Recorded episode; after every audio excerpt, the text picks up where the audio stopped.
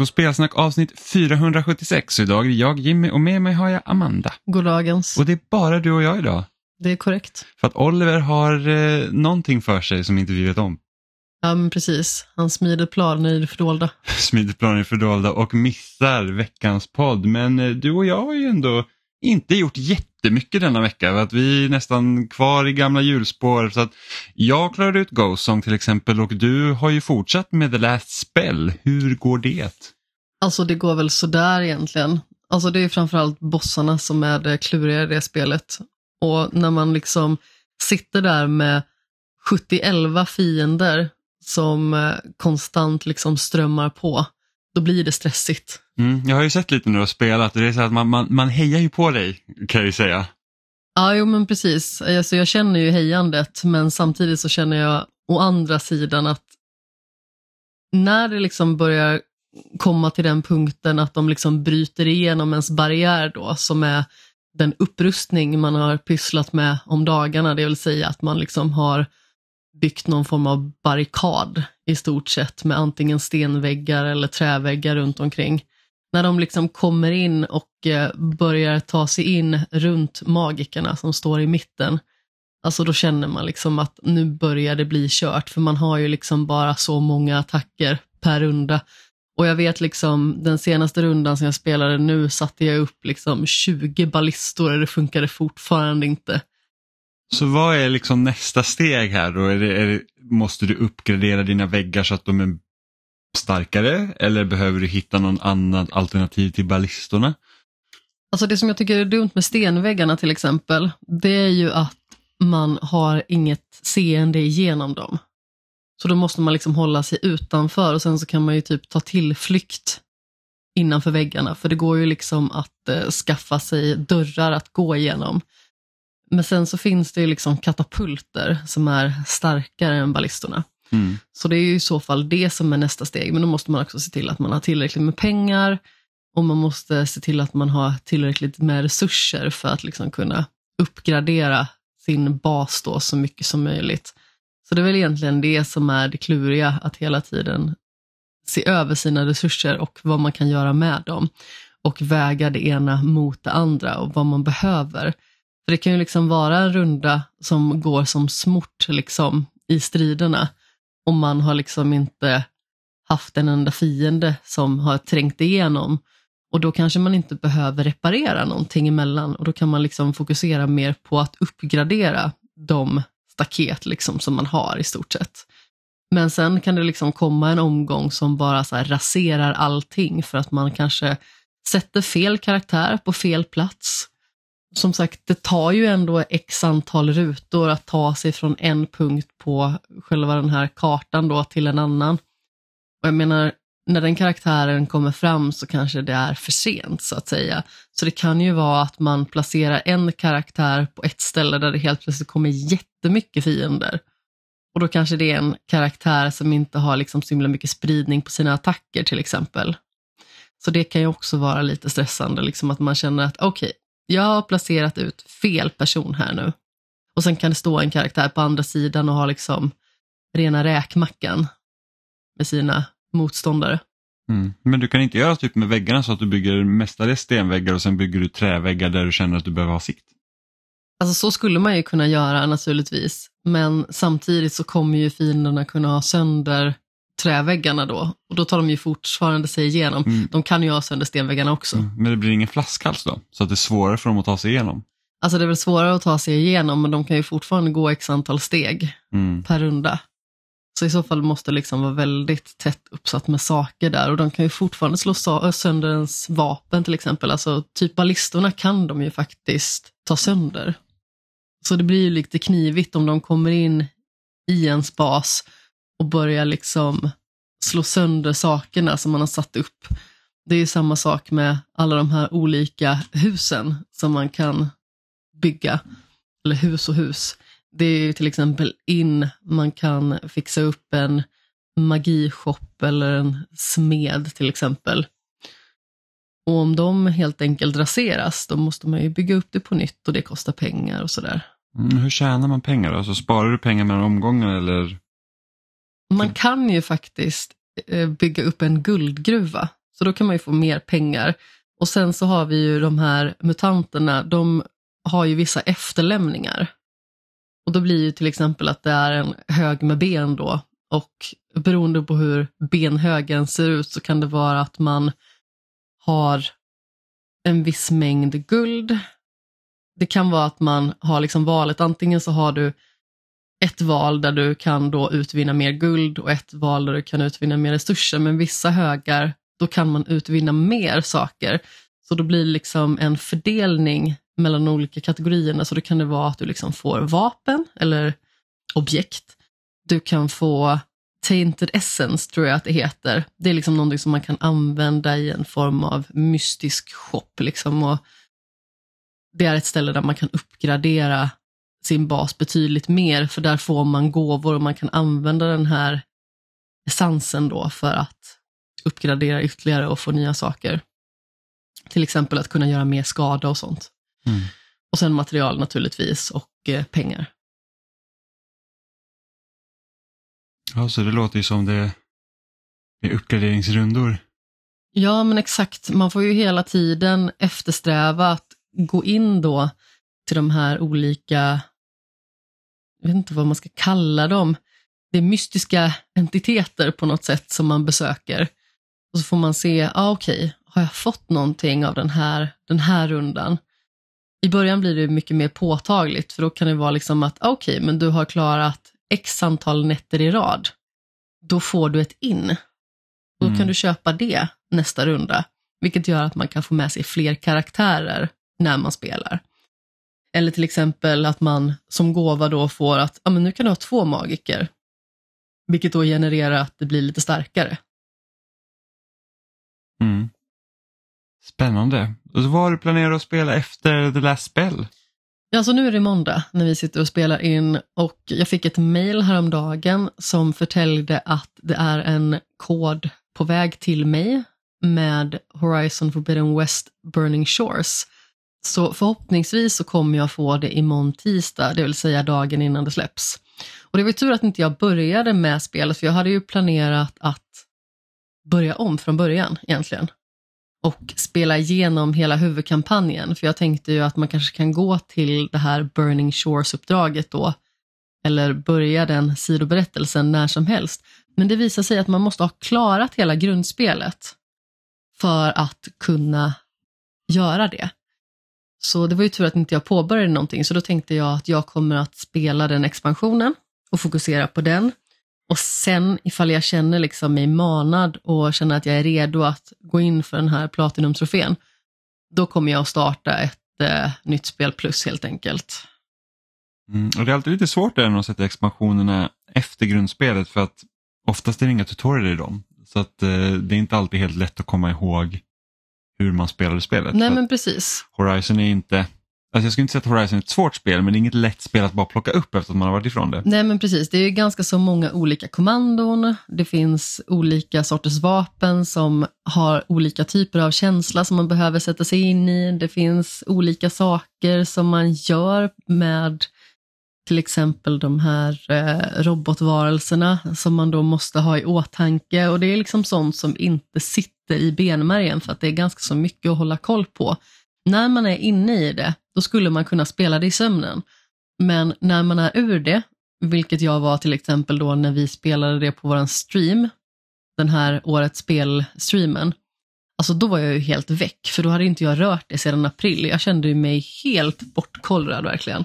Så det var ju ganska så hopplöst och jag kände mig fullkomligt kass och som att jag liksom skämde ut mig och liksom Eh, stoltserat med hur mycket jag har spelat Horizon tidigare och sen så blir det bara pannkaka av alltihop för att jag kommer typ inte ihåg någonting och borde liksom ha spelat mer egentligen på förhand.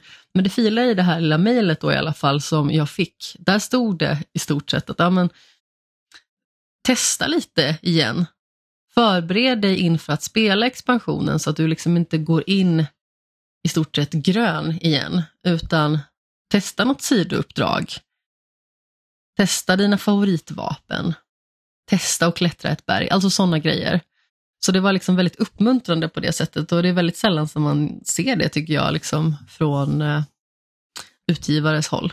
Mm, jag tror en av mina så favoritfeatures som Pokémon-spelen brukade ha, eller jag, jag undrar om inte det var typ första gången typ i Fire Red och Leaf Green, där när du startade spelet så fick du se en liten recap på vad du gjorde senast. Jaha, Vilket så här, ja men typ så här bara, ja men du slog den här gymledaren och sen så gick du hit typ. Så att du bara liksom har någon koll på vart du är. Så sånt, eh, sånt tycker jag är nice. Liksom man får lite ett hum om vad man är beroende på hur länge, alltså länge sedan man har varit ifrån spelet då. Såklart. ja men precis. Man kan ju känna sig enormt förvirrad när man kommer in igen. Mm. Jag tror det värsta är typ när man tar upp ett JRPG igen. Ja, Fruktansvärt är det. Eh, och liksom sen man bara, men jag är typ 30 timmar in i det här spelet nu och det är typ ett år sedan jag spelade. Vad fan ska jag göra nu? Ja, men precis. Och vad var man för någonstans och vad gör alla de här olika myskofika magierna eller vad det nu kan vara och varför har jag satt det här vapnet på den här karaktären? Det verkar ju ointelligent. Mm. Nej, men som sagt, jag minns väldigt tydligt från när jag spelade Nino Kuni Wrath of the White Witch till exempel, som var liksom en så här tidig, stark spelupplevelse för mig liksom när jag började komma in i spelsvängen. Och jag spelade det liksom från och till under en ganska så lång tid. Men det var ett ganska så svårt spel på sina håll. Alltså de här vanliga fienderna som man stötte på ute på världskartan. Alltså visst, de kunde ju nöta ner den efter ett tag liksom, men de var ju liksom inte extremt svåra. Men när det kom till bossarna så var de enormt utmanande och jag kände liksom att varje gång man skulle gå in på en boss så kändes det väldigt överväldigande. Och det tog lång tid innan man hittade en bra strategisk plan för hur man skulle liksom ge det aset på nöten egentligen. Och då var det verkligen sådär att när man plockade upp det efter några månader utan det, för jag hade ju till exempel en eh, period där i där jag började studera till personlig tränare. Och då dröjde det liksom ett litet tag innan jag kände att jag kunde spela igen och jag var liksom så slut så jag minns så himla tydligt att en kväll när jag kommit hem från att då liksom ha pluggat eller då gått på massa föreläsningar som man då gjorde eh, typ tio dagar i rad. Och sen så jobbar man efter det och sen så var man tvungen att plugga utöver det. Jag satt och spelade Nino Cooney och somnade och jag hade sprungit in i väggen i en timme, eller typ en bergvägg, för att jag liksom hade stickan riktad framåt, men jag satt liksom och snarkade samtidigt. Jag var så himla utsketen liksom. Men jag klarade faktiskt Nino Cooney någon gång under min utbildning också. Så det är liksom väldigt starkt sammankopplat. Men jag minns också att det var en söndag. Så jag satt länge och väl och försökte liksom så här nöta spelet på den här sista bossen. Och det är ju tre faser. Bara den första ganska så lätt, den andra liksom överkomlig, men den tredje var verkligen riktigt asig. Och jag tänkte bara, jag kommer aldrig klara det här. Så det var ju liksom väldigt mycket gå tillbaka och grinda och sånt, vilket kan bli lite tröstlöst. Och i synnerhet då ifall man inte plockar upp det varje dag egentligen. Då är ju ett JRPG väldigt oförlåtande, för att det är liksom så mycket som man liksom måste sätta sig in i. Till skillnad från till exempel ett plattformsspel där man bara så hoppar, skjuter, kastar eller vad man nu kan göra. Det är Mm. lite lättare att sätta sig in i. Liksom, spelar man Super Meat Boy så har man spelat tre stycken rundor, liksom, då är man igång sen igen. Ja, det handlar ju mest om att bara få upp sin reaktionsförmåga. Mm, exakt. Medan när man liksom spelar spel med väldigt mycket menyer och intrikata system och sådär, alltså då måste hjärnan verkligen jobba igång. Om inte den håller igång det så är det ju liksom känsligt. Mm. Jag hade ett tag att typ du spelade Final Fantasy 13 varje sommar eh, och bara fortsatte på min sparfil. Som liksom hade det som, ja, men nu är det sommarlov, jag vet inte riktigt vad jag ska spela, jag tar upp och grindar lite levels i Final Fantasy 13. Jag har inte klarat ut det spelet. Det var min följdfråga. Mm, nej, jag jag har inte klarat ut det, men det var typ så här att ja, men, det släpptes ju 2009 om jag inte minns fel. Och så kanske var det typ så här 4-5 år, så jag körde varje sommar, så kanske man spelade liksom 10 timmar till. Och liksom bara grindade, och, men det, det spelet tycker jag inte om. Så att till slut så kommer man väl till den insikten, man var så här, nej det är inte värt det längre. Jag kommer aldrig klara det här. Nej, men jag tror att mest en grej som var så himla irriterande, att det var många gånger så var det liksom, det var någon checkpoints innan en boss och sen har du typ en 20 minuter lång cutscene du inte kan hoppa över. Och så dör du på bossen då, så är det så här, ah, tillbaka till sparpunkten och sen måste du se om den här cutscenen. Alltså det är oförlåtligt. Ja men det är så här, vilket waste of time och så bara, ja men då, då liksom då är man ju varm i kläderna och sen så liksom måste du sitta där och bara vara passiv liksom i ett bra tag. Det var ju typ en av anledningarna till att jag eh, inte spelade så mycket time trials i Mirror's Edge. Eller försökte vara med speedrun challenges på de olika banorna var ju för att när man väl misslyckades och behövde ladda om sparfilen så behövde man säkert sitta där nästan i en minut för att ladda om banan. Och det blir så himla tråkigt när man kör speedruns för att det är så att gör man ett misstag man vet att ah, men nu måste jag ladda om det, då vill man ju liksom bara starta om typ på en gång.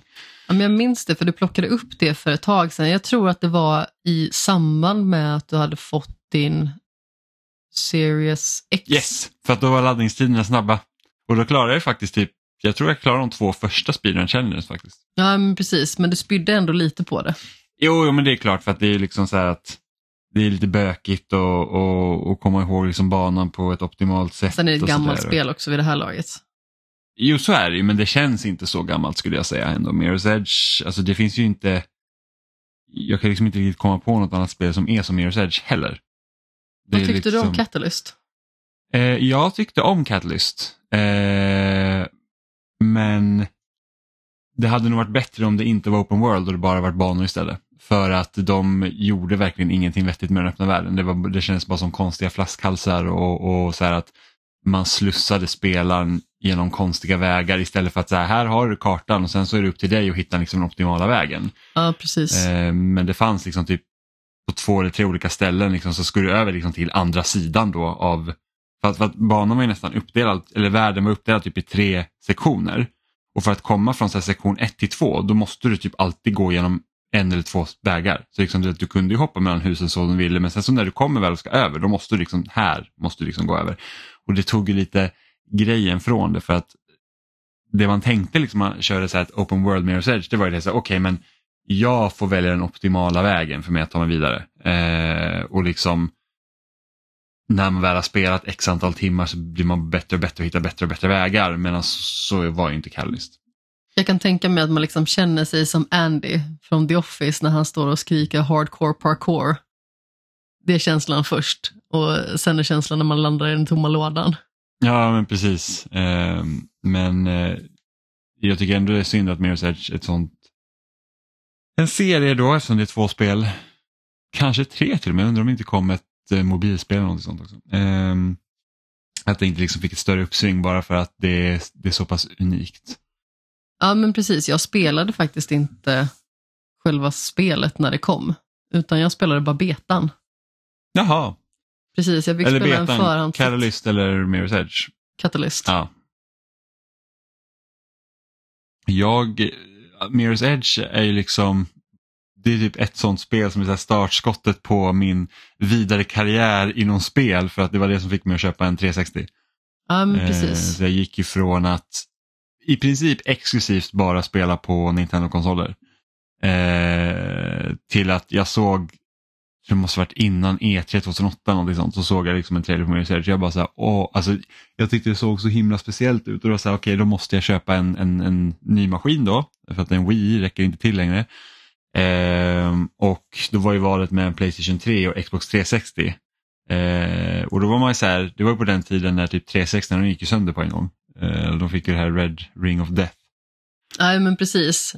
Det som är lite elakt till exempel i Batman Arkham Asylum för att Ja, när eh, spelet inom citationstecken kraschar så är det precis som när en Xbox rödringar. Ja, så det, det var ju liksom Paniken. Så det var ju så att okej, men ska man chansa att köpa en Xbox som förhoppningsvis liksom har bytt lite delar och sånt och blivit bättre eller ska man liksom köpa en Playstation 3? Men det var bara det att jag tror 360 var typ 2000 kronor billigare än Playstation 3 vid det här tillfället. Ja men precis, och det var ju liksom den rymdskepps Playstation 3 också tror jag vid det där laget. Ja, det var det nog. Och jag hade gärna velat haft den Playstation 3 med bakåtkompatibilitet för Playstation 2.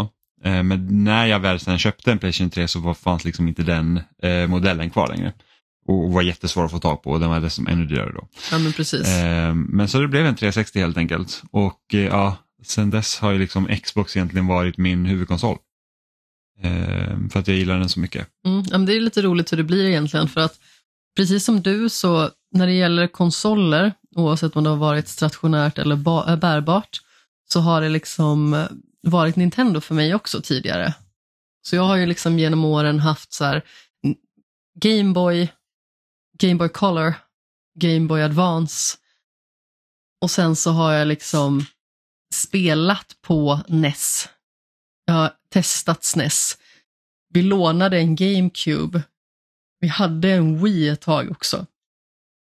Inte hemma liksom specifikt eh, hos mig, men eh, hos min dåvarande sambos mamma så spelade vi det jättemycket. Mm. Eh, då i alla fall så, när det äntligen blev dags att skaffa en konsol, och det var faktiskt inte ens på mitt eget bevåg, utan då blev det en Playstation 3. Mm. Och sen dess har ju liksom Playstation varit den väg som jag har vandrat primärt. Alltså som sagt, jag har ju haft en eh, Xbox i mitt hushåll ända sedan i alla fall, jag tror att det är 2017, men det är verkligen inte i närheten av lika många timmar som jag har lagt på Xbox som jag har lagt på Playstation.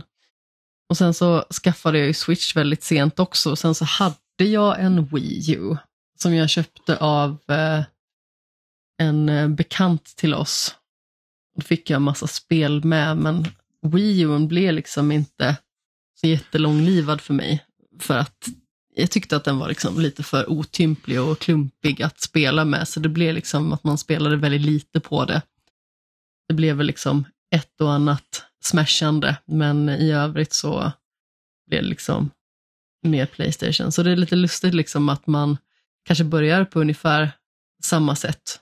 Även att du spelade betydligt mer stationär konsol än vad jag gjorde. Mm. Det roligaste dock med tanke på att jag spelar Xbox primärt och det är liksom min primära konsol. Jag köper ju i princip alla titlar som jag kan köpa till Xbox. Jag har aldrig haft en Xbox på launch. Så jag har aldrig köpt maskinen när den har lanserats. För 360 köpte jag 2008 och då hade den funnits ute i två år redan. Tre år till och med.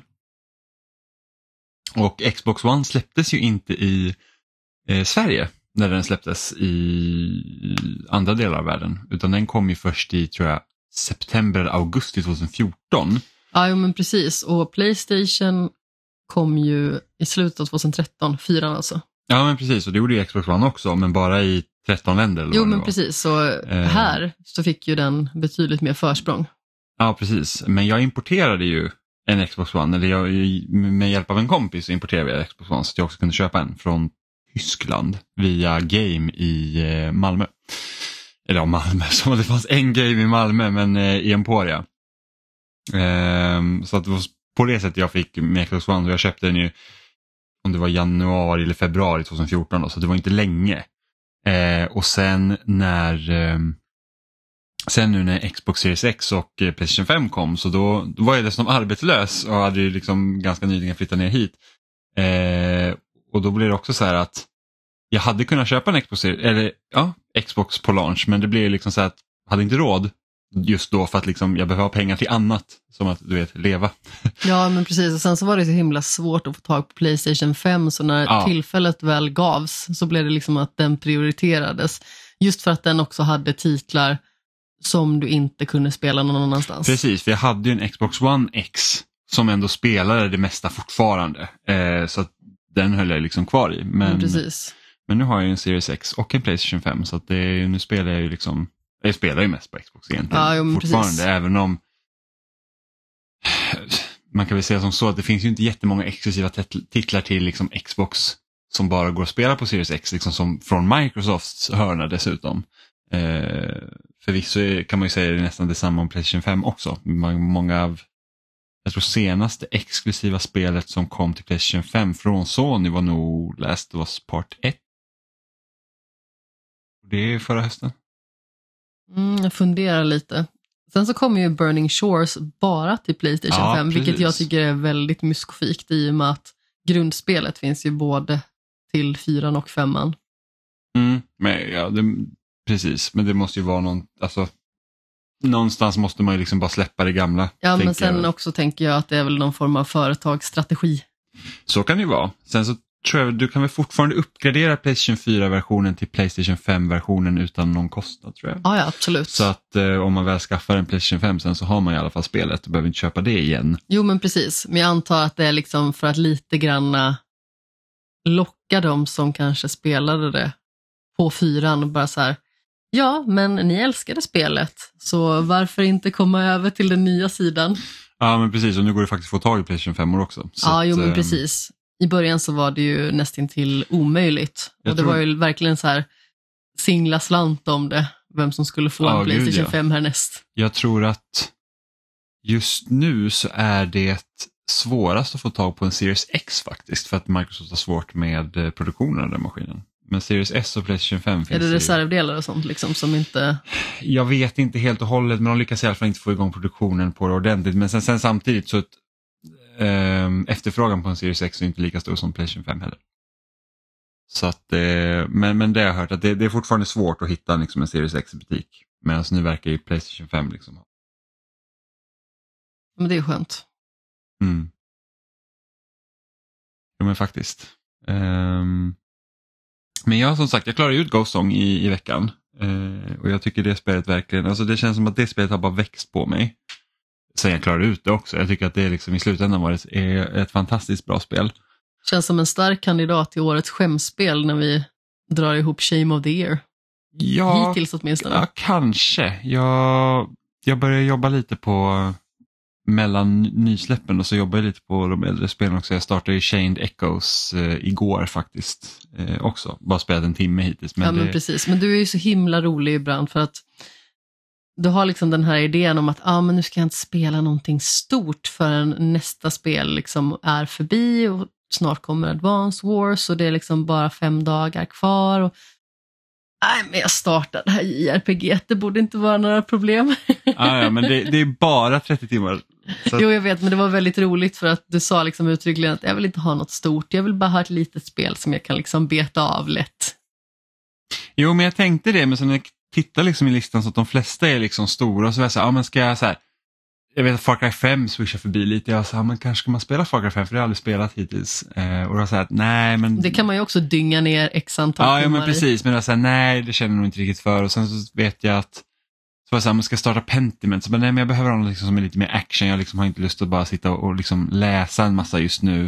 Eh, för att jag har ju Persona 4 också på G som jag håller på med och har hållit på med nu sedan januari men det blir liksom så här att det blir också lite långtråkigt efter ett tag liksom, jag känner liksom att jag vill vara mer aktiv.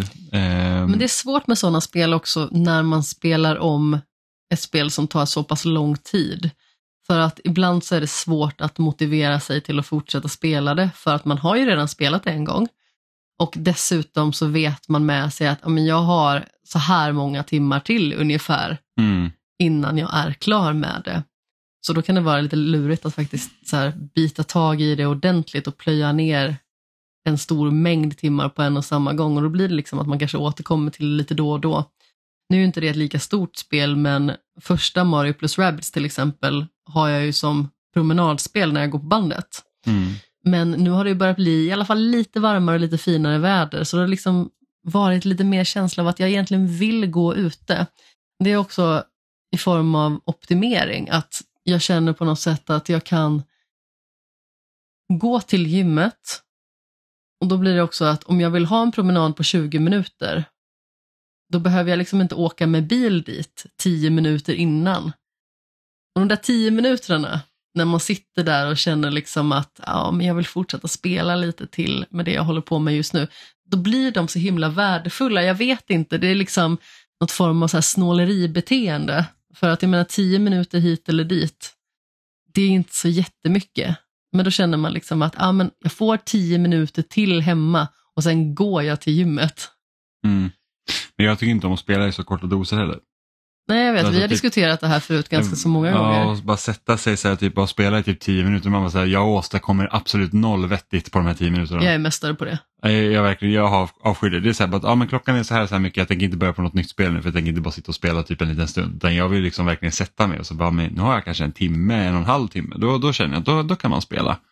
Sen beror det på vad det är för spel såklart. Alltså typ köra en omgång Tetris effekt eller kanske en match i Mario Snap. Det är liksom skillnad för då är det liksom, du får ju hela upplevelsen på en omgång kan man ju säga. Mm, jag är ju verkligen din motsats där, för att jag tycker att det är ganska så skönt om jag har lite tid över, att liksom optimera den tiden med någonting som jag tycker är roligt och som jag ändå känner att ja, men jag får lite progression här. Du är ju lite mer motståndare till viloläge än vad jag är. Jag Ja, sätter nej, ju mina konsoler i viloläge titt som tätt. Eh, nej, jag, jag kör inte alls viloläge. Men också så här, har jag liten tid och kan jag göra något annat, kanske liksom läsa eller någonting. Ja, ja, men precis. Jag har ju böcker igång i hörlurarna istället. Jag började på en ny bok idag faktiskt. Eh, Men jag spelade faktiskt spel för någon, eh, typ två veckor sedan som vi inte har pratat om tidigare. Det heter det It comes in waves som är ett jättelitet spel. Det tog mig en halvtimme att klara ut. Eh, Jaha, alltså du blev klar med det? Ja, ja, ja. Det blev jag klar med. Medan jag lurade? Ja, precis. Och sen så han, jag hann, jag hann spela klart spelet, jag hann, eh, jag hann läsa ett kapitel i min bok och jag hann somna till The Expanse innan, eh, innan din lur var klar. Innan jag vaknade och upptäckte att här ligger man och lurar Eh, jajamän. i all sin skurkaktighet. Jajamän, men det, det, är ett, alltså det var ett ganska alltså, intressant spel, sånt, eller mer som en, eh, vad ska man säga, det, det är mer som en, liksom en idé som är presenterad snarare än liksom att vara Ja, det är ju ett fullt spel, det är inte det. Men liksom Vad att, är idén då? så att du har, du, du spelar liksom, du, eh, spelet ser ut som det skulle liksom kunna finnas på typ Playstation 1. Och det är ett open world-spel men liksom väldigt komprimerat så att du, du, du liksom startar i en liten by. Eh, som, det ser nästan ut som att det skulle kunna vara Tatooine till exempel. Eh, eller typ någonting från Dune för att du liksom, världen, du är liksom i en öken egentligen. Det är mycket sand med andra ord. Ja, du, precis, det är bara sand i princip. Eh, och sen så, och du, du liksom har ingen aning om vem du är, du, liksom, du, du får liksom bara börja gå.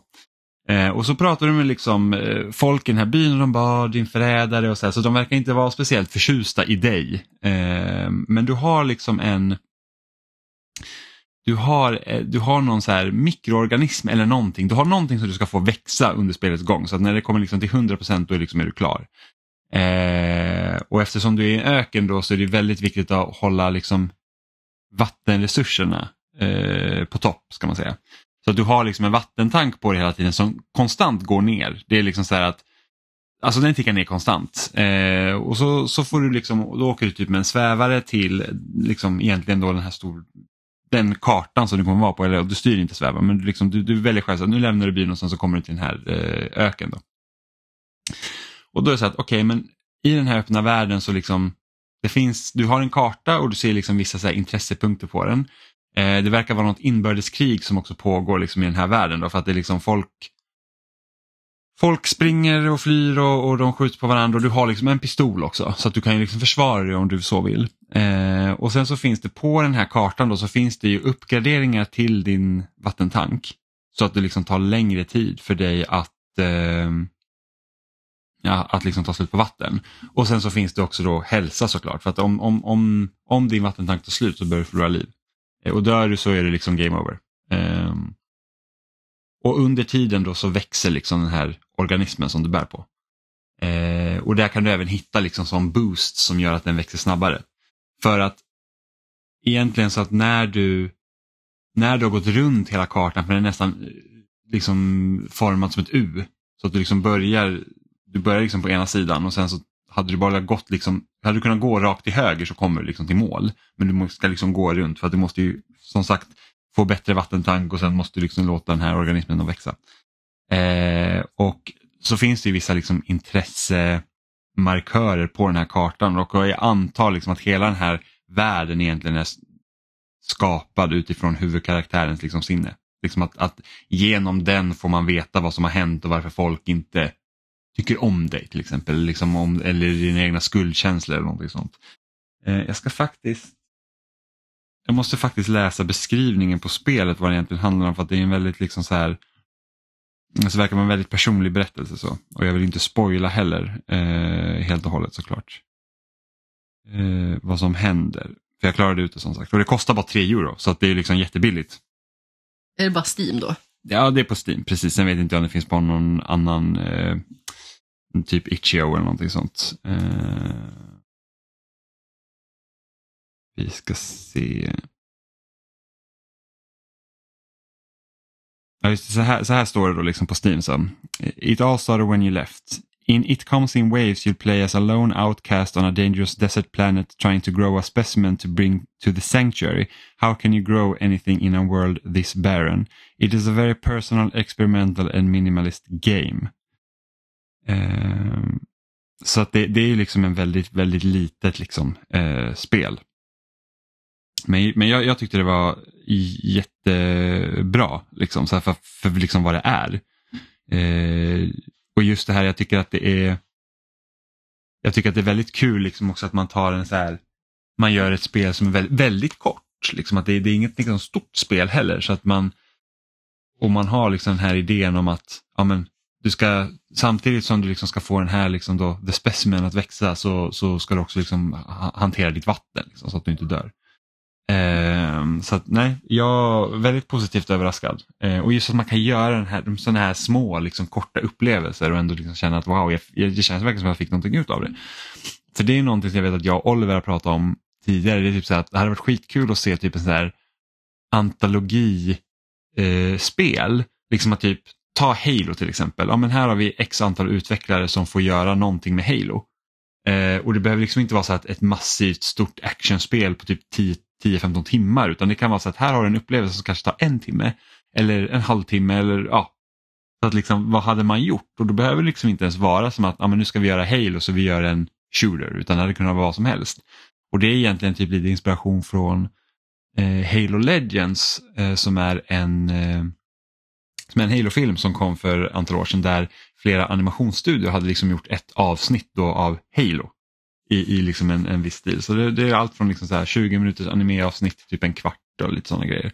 Och nu vet jag att spelutveckling är liksom krångligt och det är liksom inte lätt att säga, ah, men ska vi slänga pengar på att typ fem studios ska göra liksom en, typ, en timme Halo var. Jag vet inte hur rimligt det hade varit men, men det hade varit kul liksom, om de får testa sådana små upplevelser. Eh, för det har vi typ sett med Nintendo där, ja, men typ som Cadence of Hyrule. Som är liksom en, nu är inte det ett litet spel så, så för, missförstå mig rätt. Men det är liksom så här att där har vi en studio som sa vi gör någonting med Zelda och så gjorde de liksom Cadence of Hyrule som var liksom kanon. Ja men precis, det hade varit roligt om en studio också gjorde liksom som en liten kollektion med fem stycken små spel. Alltså det är fem olika spel med olika syfte och de är kanske typ en timme långa. Mm. Ja, men det är, så här, det är också svårt, hur ska man göra det liksom finansiellt ja, gångbart? För att liksom Då måste ta... liksom vara olika team i teamet på något sätt. Ja, men liksom, det, som det, har alla beståndsdelar. Men det är lite som eh, Double Fine har i sitt Amnesia Fortnite. Eh, där de har där de, liksom så här, de pausar all utveckling på de spelen de håller på med och sen har de liksom två veckor där eh, team får pitcha sina spel. Alltså de, de ska liksom så här, du har några som får så här, ja men jag har den här idén som jag vill göra och sen så väljs det ut några stycken som då ska liksom försöka realisera de här idéerna och sen så sätts de ihop i olika lag. Eh, och så ska de utveckla det här spelet helt enkelt. Och sen så, ja, sen så har de ja, så här reviews och sen så liksom sitter hela studion och spelar igenom de här spelen och liksom kollar igenom dem och sådär. Som en game jam? Ja men typ, ja det kan man säga att det är. Två veckor lång game jam. Och, och det är många av dem av de liksom Amnesia Fortnite-projekten som har blivit sen spel. Jag tror Stacking som släpptes 2011 kanske är ett sånt spel som kommer Amnesia Fortnite och i Psychonauts 2 så finns det ju en nivå där man liksom springer runt typ som ett det är som en gay, alltså mat game show där man liksom springer och hämtar mat och liksom slänger rätt och det ska bli rätt ingredienser. Det, den kom ju också från Amnesia Fortnite liksom spel. Mm -hmm. um, så att det är lite så de jobbar. Så det, det, det är liksom kul. Men det är så knepigt det där med spel för att även om du gör liksom en, en, ett timmes långt spel så måste det fortfarande vara polerat och fungera bra och, och liksom, ja. Så det är inte lätt liksom. Och ska du sitta och liksom spendera x antal månader, år på att göra den här liksom väldigt specifika saken som kanske inte säljer. Utan då kanske man hade, ja men jag vet inte hur man hade kunnat göra det men det är typ så här när Halo 7 kommer eller vad det nu är så har Microsoft anlitat någon studio så är det liksom typ bonusspel i det här spelet. typ. Jag vet inte, men det är så att okej okay, och, och, vad tjänar det då för syfte? Är det, ens, är det ens rimligt att göra så? Men önska kan man göra. Det kan man definitivt. Men som sagt, jag vet inte riktigt hur det hade, hur det hade blivit. Men jag är i alla fall, jag är, en sak är säker, att jag är väldigt pepp på fredag för att då äntligen ska vi få spela Advance Wars. Ja, precis, Om inte posten längtat. skiter sig. Som sagt. Det hade ju varit lite on-brand. Ja, men faktiskt. Eh, för det är ju det störigaste med Nintendo, att de släpper sina spel på fredagar. Och det är liksom så att nu är det typ också varannan dag utdelning så det är inte säkert att posten kommer den dagen. Och sånt. Men precis, och posten har varit lite opålitlig det senaste. Vi ska ju gifta oss väldigt snart som alla vet naturligtvis vid det här laget. Och vi har ju liksom skickat in så här så att vi kan få intyg för, eh, för hindersprövning och det har vi fått tillbaka nu. Men inledningsvis så beställde vi blanketter för vi tänkte inte på att vi kunde skriva ut dem. Så vi beställde liksom blankett för hindersprövning och blankett för namnbyte. Och de var ju jätteförsenade. Det stod liksom att det skulle ta i stort sett fem arbetsdagar. Och då visade det sig att den post som vi väntat på måste de liksom ha haft lagrad eller någonting sånt. För du fick ju också någon avi i samma veva. Vi- Jag fick typ så här jättemånga olika brev som var så Precis, det här är utskriftsdatum det här var skickat för här, eh, jättelänge sedan. utskriftsdatum för de här blanketterna var ju också mycket tidigare. Så jag vet inte riktigt vad som hänt där, för helt plötsligt så fick vi liksom en hel trave med brev. Och då hade vi ju redan liksom skrivit ut blanketterna istället för att vi tänkte att ja, men, det börjar ju brinna lite i knutarna i alla fall. Mm. Det var inte extremt stressigt men ändå skönt att ha det överstökat, även att man vet att det borde liksom inte vara några problem i och med att vi inte är syskon. Eller far och dotter. Mm. Vi är inte släkt helt enkelt. Än. Ja, Ja, jag, tror, förstår. jag tror vi aldrig kommer bli släkt. ja, men du förstår vad jag menar. Ja. Ja, nej, så att, men, men alltså jag har ju väntat på Advance Wars så himla länge också. Eh, och det, det ska bli så extra roligt för att jag har ju aldrig spelat ettan och tvåan som den här remaken på, utan jag började ju med Advance Wars vid eh, Dual Strike.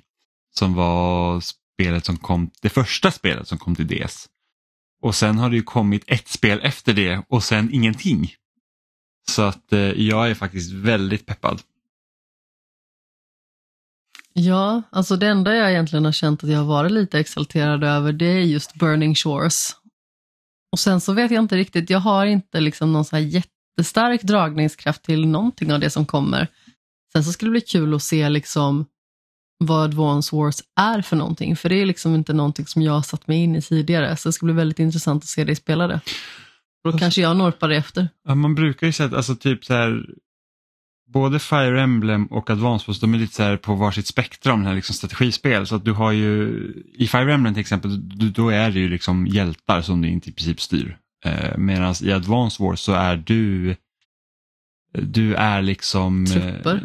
Ja, men du är the commander över armén. Och sen så liksom tar du över byggnader för att kunna få in mer resurser så att du kan bygga armén. Eh, Ja, men precis. Det är lite samma sak i The Last Spell, alltså inte att man har kanske det typet av spektra, utan där är man ju liksom kommendören på något vis. Mm.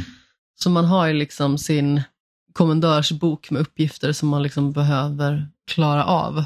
Mm. Och i det ingår liksom att man ska styra och ställa med de få karaktärer som man har till sitt förfogande. Mm.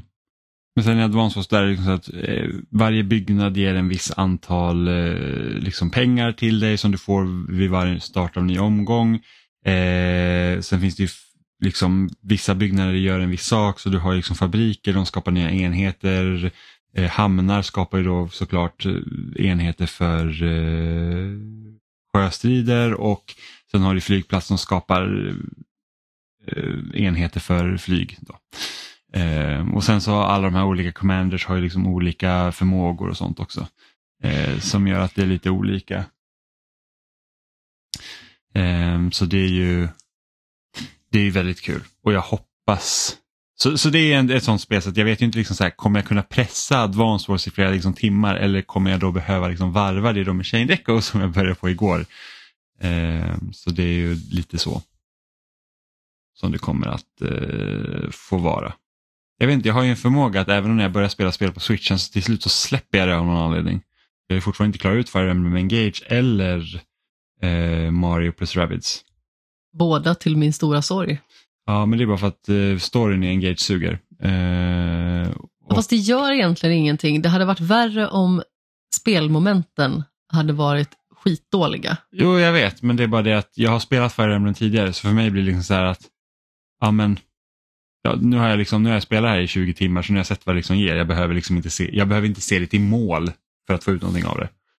Jag vet inte, alltså när jag vet vad det handlar om, alltså rent speltekniskt, då känner jag ofta att det är lättare att ta mig igenom det, även om berättelsen är rutten på något sätt. För att nu känner jag liksom så här att, okej, okay, jag är inte jätteinvesterad i det här. Jag tycker i allmänhet att det som karaktärerna säger och gör är ganska så löjligt. Men jag har förbannat kul med striderna så det är liksom bara att plöja igenom dem. Och dessutom liksom svälja allt sidomaterial med hull och hår också.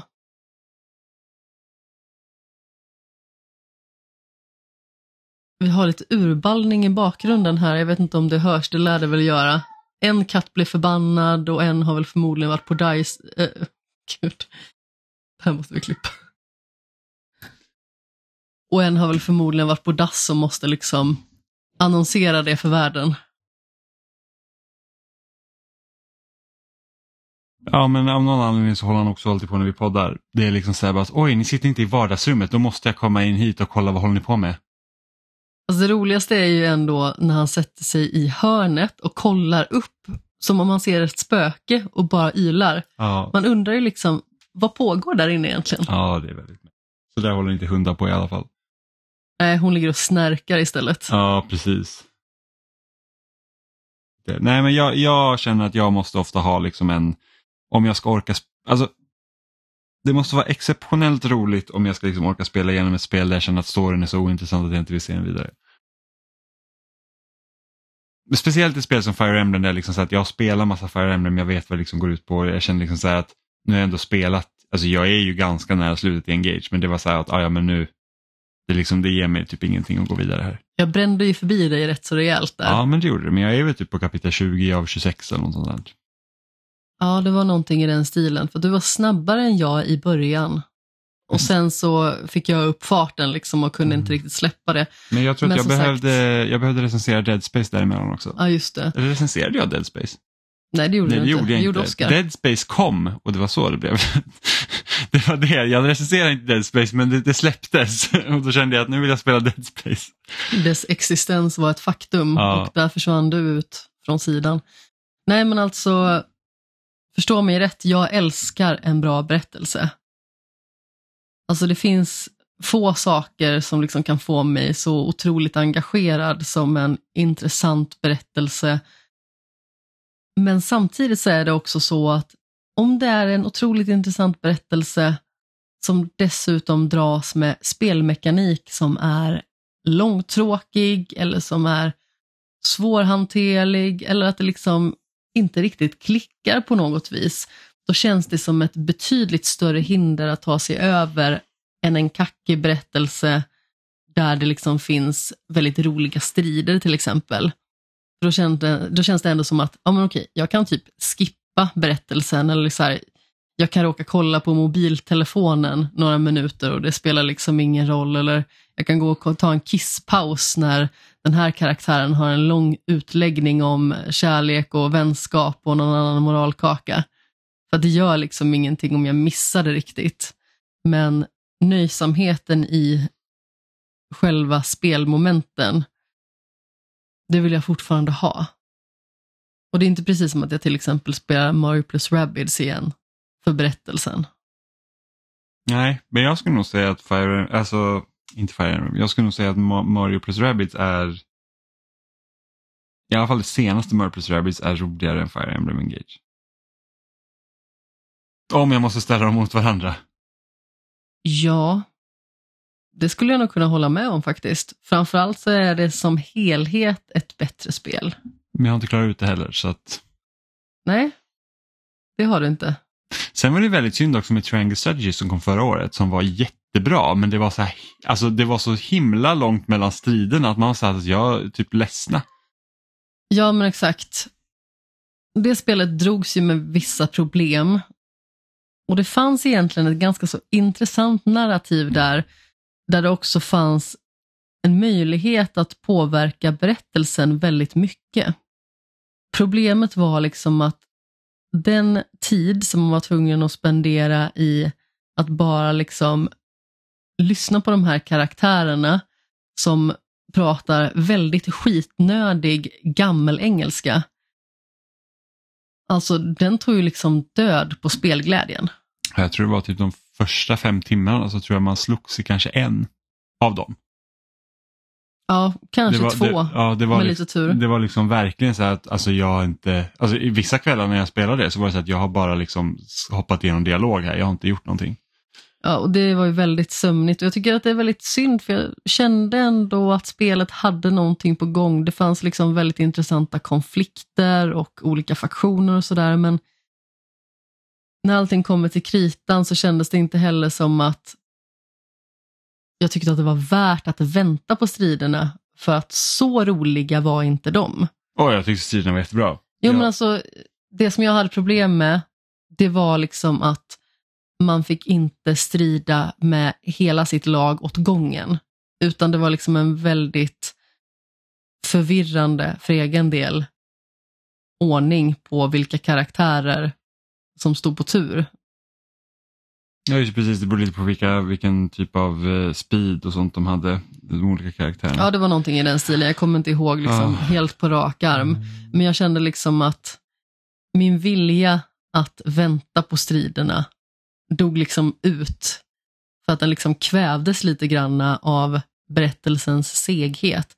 Berättelsen som egentligen hade någonting, men den hade behövt delas upp på ett annat sätt och liksom föras fram med ett annat tempo för att man skulle orka med det där. Jag tror man hade behövt ha mer strider emellan liksom också. Ja, jo, men man, absolut. man ihop det Men det är lite det jag menar, att- man hade behövt portionera ut det lite mer. Jag tror att det var Sintorn som eh, jag skrev till om det här också på Discord, liksom att det blev liksom inte ett tempo som var fördelaktigt för spelaren.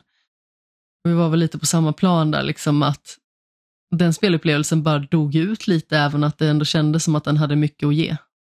Mm. Jag vet inte, någon gång kanske man återgår till det. Alltså jag tänkte det. När jag spelade klart Fire Emblem Three Houses, som jag liksom högg tag i direkt efter Engage, kände jag att jag är inte riktigt färdig med strategigenren just nu. Och då övervägde jag att gå tillbaka till Triangle Strategy. Men jag kände bara liksom så här att om jag ska spela och gå på bandet samtidigt, då vill jag ju helst spela. För att jag lägger ju ofta ifrån mig konsolen när det är liksom mellansekvenser och sånt och liksom ställer den på typ instrumentbrädan, eller vad man ska säga, på löpandet. Och det hade blivit så himla långt då, emellan. Jag tycker det är väldigt skönt att spela samtidigt som jag går på bandet för att jag liksom blir underhållen.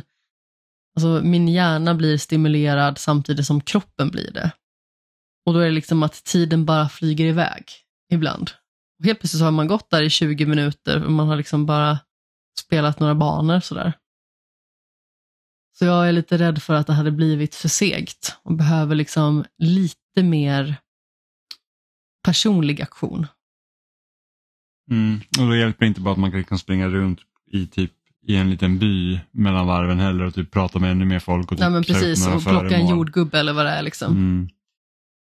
Så att, eh, det är synd. Sen varit lite sugen på så här att jag har hört väldigt mycket bra om Octopath Traveler 2 men det tar lite emot för att jag, ehm, jag var inte jätteförtjust i ettan just på grund av att berättelserna påverkar inte riktigt varandra så varje gång man liksom körde en ny karaktär så kändes det som att liksom spelet började om lite. Eh, sen vet inte jag om när man kommer väl till slutet om det blir någon form av koppling till varandra men det kändes alldeles för liksom för isolerat från varandra. Och nu har jag hört att tvåan ska vara bättre. Alltså rent spelmässigt och jag tyckte att, att spela Octopath Traveler, liksom ettan med de stilarna som fanns tyckte jag var jättebra. Eh, men det är just det här med att ska jag spendera så många timmar så vill jag också ha en berättelse som jag bryr mig om känner jag. Ja, ja, men precis. Och jag har hört ändå att det finns flera berättelser som är otroligt engagerande, plus att allt det som första spelet gjorde, det är väldigt liknande i tvåan, men bättre. Mm, Man har liksom uppgraderat upplevelsen lite grann. mm. Man får se sen, jag vet inte, första Octopath Traveler kommer till Game Pass så man kanske kniper det då om det någon gång kommer till Game Pass på Xbox också. Mm, precis, jag har hovrat lite över köpknappen på Playstation på tvåan där, men eh, samtidigt har jag också känt att det är ett väldigt stort åtagande just nu. Och det finns andra spel som jag hellre vill spela. Dredge, jag kollar på dig. Ja, Dredge var väldigt bra. Det spelade jag också ut och tog alla achievements i. Det är väl det spel egentligen som du har tyckt mest om i år? Jag tror det. Jag har inte spelat så mycket, så mycket nytt i år och jag har lite räknat bort eh, remakesen och remasterna. Så att annars liksom, jag tycker ju kanske att både Metroid Prime och Dead Space är bättre än Dredge men det är liksom också gamla spel. Ja, men precis. Så de lever ju lite granna på gamla meriter. Ja, ja alltså, alltså visst, visst, att Dead Space-remaken är ju liksom har, innehar ju nya delar och det är lite omgjort på vissa ställen men uh, Metroid Prime är ju liksom Metroid Prime. Definitivt. Som, som det var då. Så att det är ju... Men Dredge, jättemysigt spel. Alltså det är liksom så att, jag förklarade för en kollega vad man gjorde i det, för han frågade om jag, vad jag spelar just nu och jag bara, men det är så ett fiskespel som man åker runt med en båt och men det är liksom det är inte svårt att fiska, det är som typ små minispel och sen har man typ, gillar man att åka båt i Wind Waker så, så är det typ det. Liksom. Och han bara, det låter inte så roligt. Jag bara, nej men det är jätteroligt. Um, så att, och som sagt, jag tycker inte om att fiska i spel, jag tycker att det är ofta skittråkigt. Men uh, Dredge var riktigt bra. Hur är spelandet bland dina kollegor? Jag tror nog att det är rätt så många som spelar, i alla fall lite smått. Eh, eller jag kanske inte direkt i mitt team, då tror jag nog att det är nog nästan bara jag. Alltså som har så stort intresse, men det är någon på sälj som spelar lite och någon på produkt och sådär. Ja, men precis.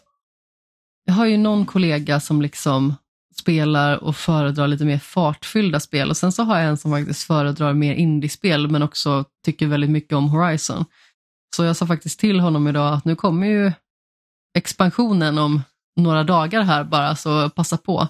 Men han var inte klar med spelet, så då sa jag att men, då får din sambo spela det istället, för hon är tydligen en eh, snabb fena på spel. Eh, och då noterade han också att ja, hon kommer ju jobba hemifrån några dagar nästa vecka, så det kan nog hända att hon kanske spelar det en hel del när hon får tid över. Mm. Väldigt roligt faktiskt. Jag vill egentligen eh, att eh, min kollegas sambo ska vara min kollega så vi kan prata om Horizon-dagarna i ända. När alla andra satt med Eldring så hade du behövt ha din Horizon-kollega. Ja, men eller hur? Jag behöver liksom någon som bryr sig om mig och Horizon. Det är lite synd att Zelda inte kom i anslutning till Burning Shores. Nej, nu. det är inte alls synd Jimmy. Jätteroligt. Det är tillräckligt nära i tiden. Mm. Men Zelda ser jag väldigt mycket fram emot också såklart. Ja, alltså jag hade velat vara en person som ser fram emot Zelda för att alla andra gör det. Och jag känner mig så himla motvalls och som en sån tråkfis verkligen. Men jag har ju liksom ingen relation till första spelet. Så jag tror inte det behövs. Jag tror att man absolut kan hoppa in i Tears of the Kingdom utan att spela första spelet. Jo, jo, naturligtvis. Men jag tror att det hade ju inte skadat att liksom älska det första spelet. Och med tanke på min inställning till första spelet, det vill säga att alla älskar det, alla tjatar på mig att jag borde spela det och jag är rädd att jag faktiskt inte kommer tycka att det är så kul att det liksom inte är för mig. Då känner jag också att det är liksom typ en rak uppföljare, det ser liksom likadant ut i stort sett och det kommer förmodligen kännas väldigt mycket likadant.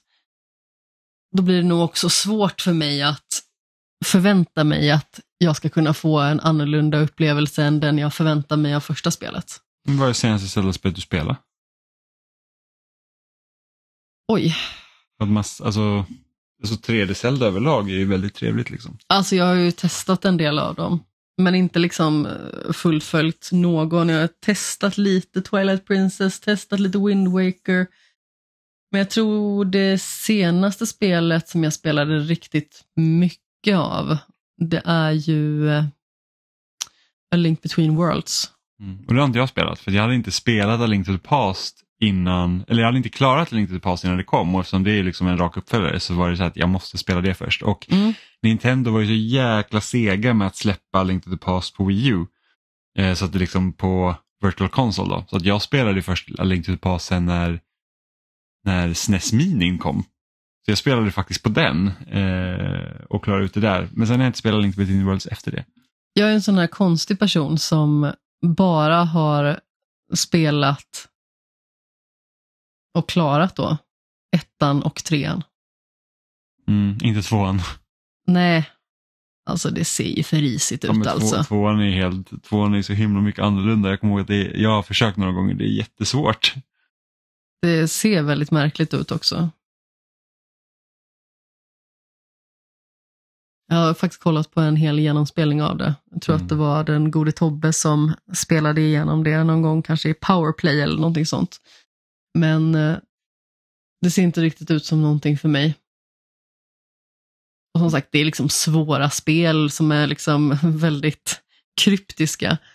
Så jag vet inte riktigt om eh, jag hade klarat dem på egen hand, så att säga. Nej, nej man har nog fått köra mycket med guide. Ja, Faktiskt. eller med någon som liksom kan dem. Jag spelade ju eh, A Link to the Past med Jocke, min kompis. Mm. Och han hade ju spelat det x antal gånger. Så det blev ju liksom att han spelade i majoriteten av tiden. För att jag liksom till slut bara så här, okej jag fattar inte vad jag ska göra, jag fattar inte vad jag ska för någonstans. Och då fick han ta över lite och så fick jag spela lite däremellan. Mm. Men jag har liksom hela upplevelsen. Vi skulle spela Super Metroid också. Och spelade kanske typ någon timme. Och Sen så däckade jag i hans soffa och sen har vi aldrig tagit upp det igen. Okej, ja, Super Metroid har jag klarat några gånger, typ två eller tre tror jag. Sen hade jag lite så här, innan Dredge kom så såg jag till att spela både Zero Mission och eh, Metroid Fusion som jag inte heller hade spelat tidigare. Så det var ju kul. Men jag tror att det var allt vi hade för idag faktiskt. Eh, en lite lugnare vecka för oss båda. Med Ja. tanke på att det, det kommer massa spel eh, med rasande fart nu. Ja, jo men precis. Det kan ju vara lite jobbigt att ha en sån här vecka också för att det känns på något sätt som när man sätter sig och ska podda om spel så får man väldigt mycket så här pliktkänsla. Att det liksom är ens plikt att komma med något nytt till podcasten varje gång. Jag har försökt att släppa det där lite. Jag hade väldigt mycket den känslan i början, liksom att man hela tiden måste ta med sig någonting nytt till bordet att prata om. För att annars så blir liksom inte kul att lyssna på. Och att man hela tiden måste dela med sig av nya intryck, men man blir ju slutkörd i skallen faktiskt. Så det gäller ju liksom att försöka hålla sig så ajour som möjligt egentligen. Ja, jag går snart in på tio år och försöker spela ett nytt spel i veckan. Ja, jag har ju liksom inte riktigt eh, den längden av karriär som du har liksom när det gäller spel och framförallt inte podcast. Jag har ju snart poddat i sex år i sommar. Men eh, tack till er som har eh, eh lyssnat så här långt och eh, ni hittar oss som vanligt i era favoritpodcastappar såklart och även på spelsnack.com och loading.se. Ni kan också följa oss i sociala medier på Twitter, Facebook eller Instagram. Eh, bara sök på Spelsnack podd tror jag vi heter på de flesta ställena. Eh, ni kan också mejla till oss på kontaktetspelsnack.com eh, eller till något av våra förnamn spelsnack.com om ni har någonting ni tycker att vi ska prata om eller eh, om ni har några frågor och funderingar helt enkelt. Eller lämna en kommentar på lugn.se. Jag ser också att det är flera som brukar kommentera på Instagram. Det är jätteroligt. Jag läser alla eh, kommentarer. Eh, men med det sagt så hörs vi nästa vecka när vi kommer prata lite om Advance Wars och eh, lite Horizon. Ja, Hej då! puss i ljumsken.